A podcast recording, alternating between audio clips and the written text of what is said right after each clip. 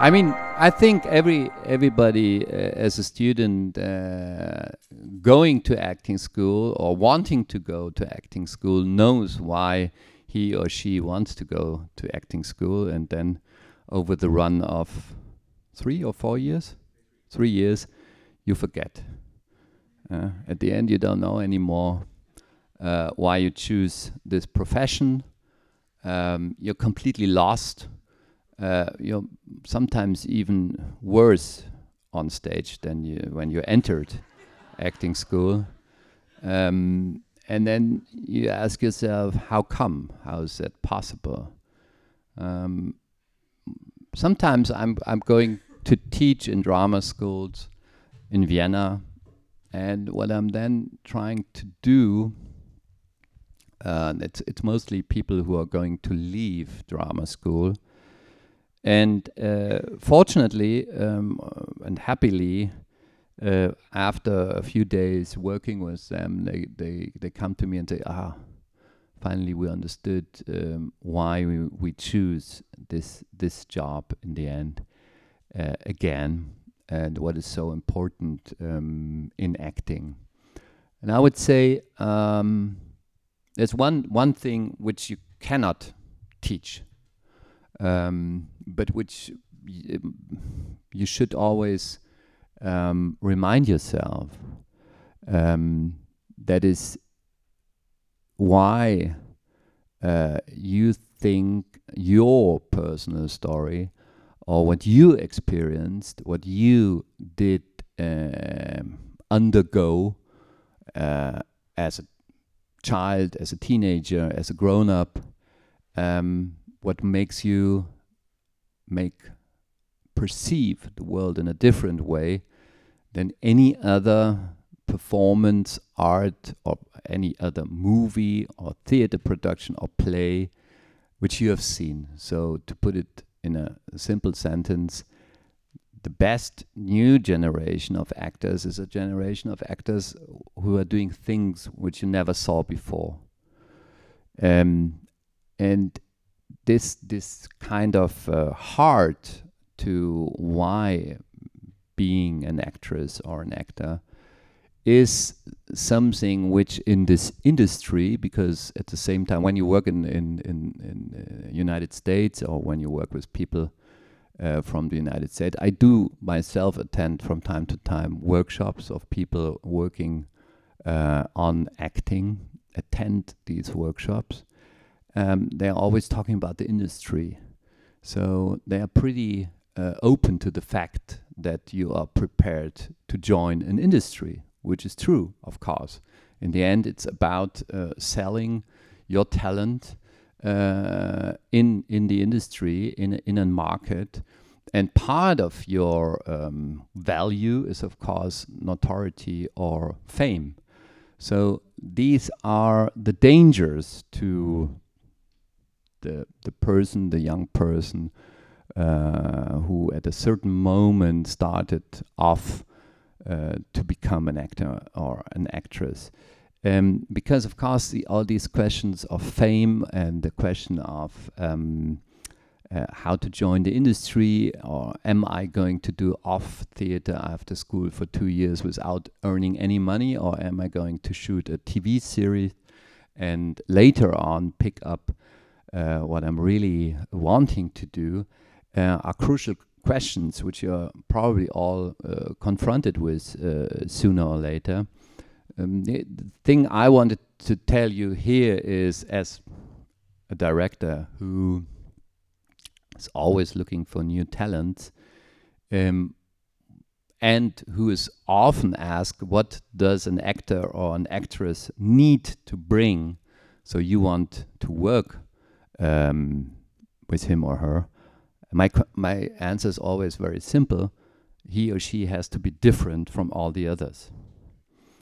So this is what I want you to encourage to stick to your personality and to stick to um, your individuality and what you experienced and what is your individual voice in the canon in the choir of people wanting to join the industry, and maybe not only wanting to join the industry, but also to be part of a new wave of theater makers, of a new wave of artists, and of a new wave of theater makers who um, can call their theater art.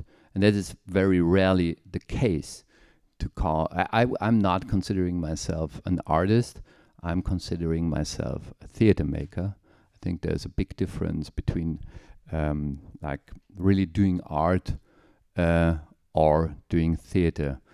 In some sometimes we are lucky enough and and we we have the chance that it's art, but most of the time it's only theater. Um, um,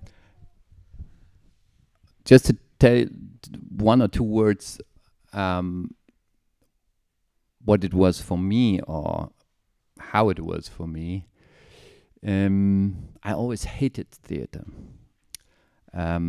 Uh, every show I saw, I saw, um, was boring, uh, without any rhythm, without any musicality. I always call it groove. So that's a very important uh, uh, word in my rehearsal in the rehearsal room about the groove. Maybe it has to do with the fact that I started off as a musician, like 80% of you, I suppose. 80% of the acting students are um, failed musicians. um, dreaming of a life as a pop star, but then, uh, yeah, uh, seeing that there are much better musicians around, and then you do theater because uh, you don't need to know your instrument that well, and uh, you don't need to rehearse that much. Um, you should, but um, yeah. Anyway, so music and musicality and and groove and rhythm is something which is very important for me. And most of the shows I saw, there was a lack of this. Um, but also uh, I didn't know why the people on stage are on stage. I didn't understand why they are on stage. There's maybe only one reason to that question, or I had the feeling the one and only reason is they're part of this ensemble. They get they are on a payroll. At the end of the month, they get a little money, and then they have to accept to work with any director which is suggested by the artistic direction. And they follow, sometimes they follow better um, because they think uh, with uh, the fame of the director they become famous actors. But that's also not a good reason to be on stage. I think the question for every uh, actor in each and every production, every evening should be uh, what do I want to tell? Even though if it's only a little part, it should be this question, this basic question, this crucial question, um, which also can be answered in the fact that I'm participating in the narration and in the storytelling of the whole uh, performance. It's even if you have a, a, a, tiny little role, you can you can say, yeah, but the whole story is important, and I want to want to tell the whole story because I can identify with the whole story and I can identify with what is told in the play or in the developed script which we developed together.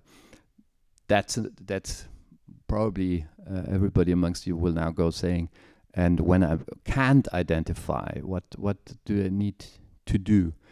Um, I think one possibility to identify with what you present in a show is, of course, to join or to uh, create your own company or um, to join a company which you admire. Um, that is probably the best way, better way probably to to to create an, an own company. Um, Schaubühne is a very young theater. It was it was founded in '62, and it was founded by theater students who were at the time 22 years old and who didn't like what they were uh, learning at university and they stopped and they founded Schaubühne in 62. Uh, nowadays, it's quite a known theater, and it's um, a little bit more than 50 years ago, so you can make it in a lifetime um, with your own company.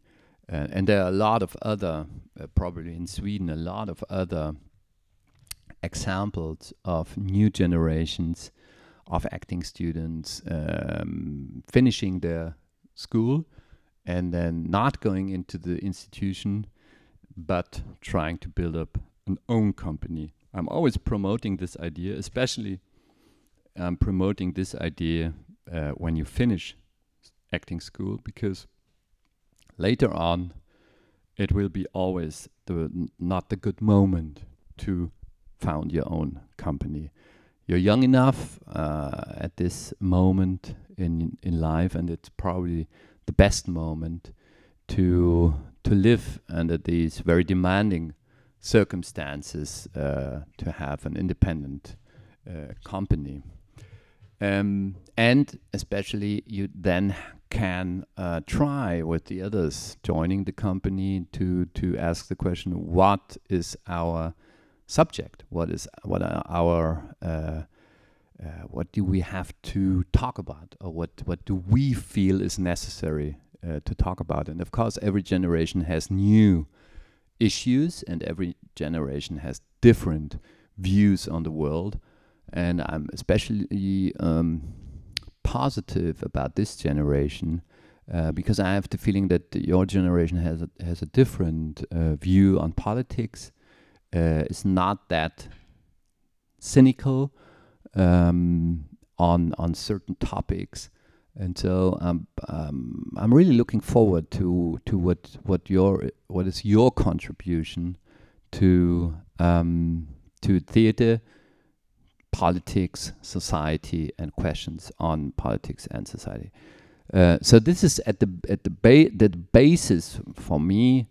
Um, becoming an actor would be I have to identify with what I'm talking about. I I need to know um, why I'm on stage. Uh, why is it important to tell the story, um, and why um, is it important uh, to take the two hours of any audience member of his lifetime um, to listen to me or to listen to us.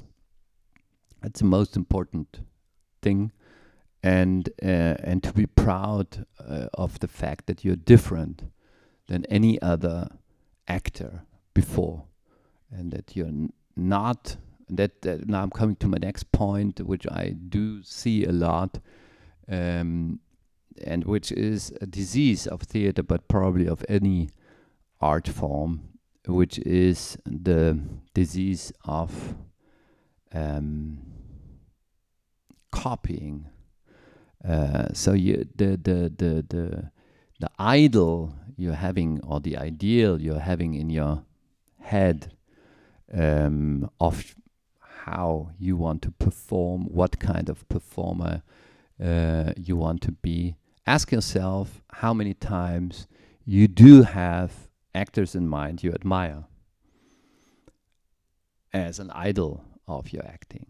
That's okay, but it's not okay when you go to the point that you copy him or she you might uh, be inspired by the art form or the talent or the beauty of the acting, but the way uh, this admired actor acts, I would say, should not necessarily be your source of inspiration.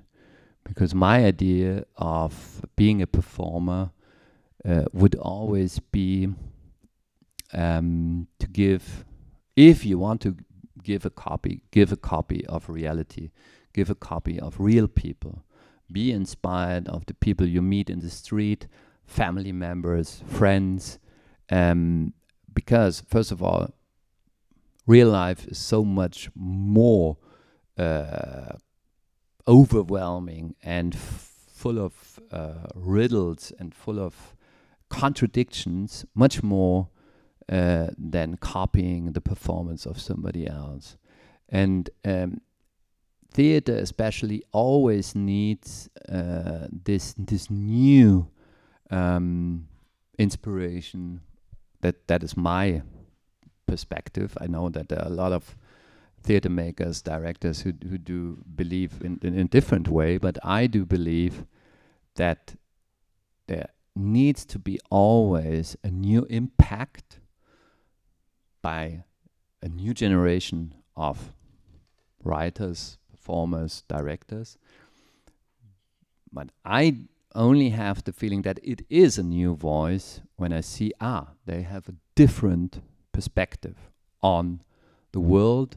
They have made different experiences and they find a way to talk about this in a different way what I'm experiencing a lot is when I go to see uh, young performers, young ensemble, new directors, I always see their masters. I always see who they admire, which director they admire, which way of acting they admire. At a certain point, the whole Germany was full of copies of Sophie Rois and Kathrin Angerer. I don't know if you know these two actors from Volksbühne, great actors but all of a sudden, all the young uh, women started to act in the same hysterical way uh, with this uh, destroyed voice of Sophie Rois, and they all sounded the same, and they all were the same. Of course, as a director and also as an audience member, you always want to see the original. You never want to see uh, the copy. So try to find your own uh, voice and try to find your own uh, individuality in your performance. Yeah, something more about acting. Some something more specific. I, I brought some books uh, also if people want to deepen this uh, research, thoughts, conversation. Yeah, a lot of times people ask me why is it that uh, in your performances the actors are more uh, vital, more physical, more more alive than in other performances. And then people tend to believe that we're doing physical training and and and things like that. Yeah, possible that helps, um, but that's not the that's not the key. Um, I think the the the very important uh, key approach of my method, which is not my method because it's a it's a it's a mix of a lot of um, theater teachers of the 20th century. Um, the most important thing and the biggest difference in my approach is that I'm working um, on the situation and not on the character. I'm I'm never asking an actor uh, what is your character. I'm never uh, trying to uh, inspire actors by uh, a conversation about yeah the character maybe did this the, the character maybe uh, when he was a child experienced this and that's why and so on.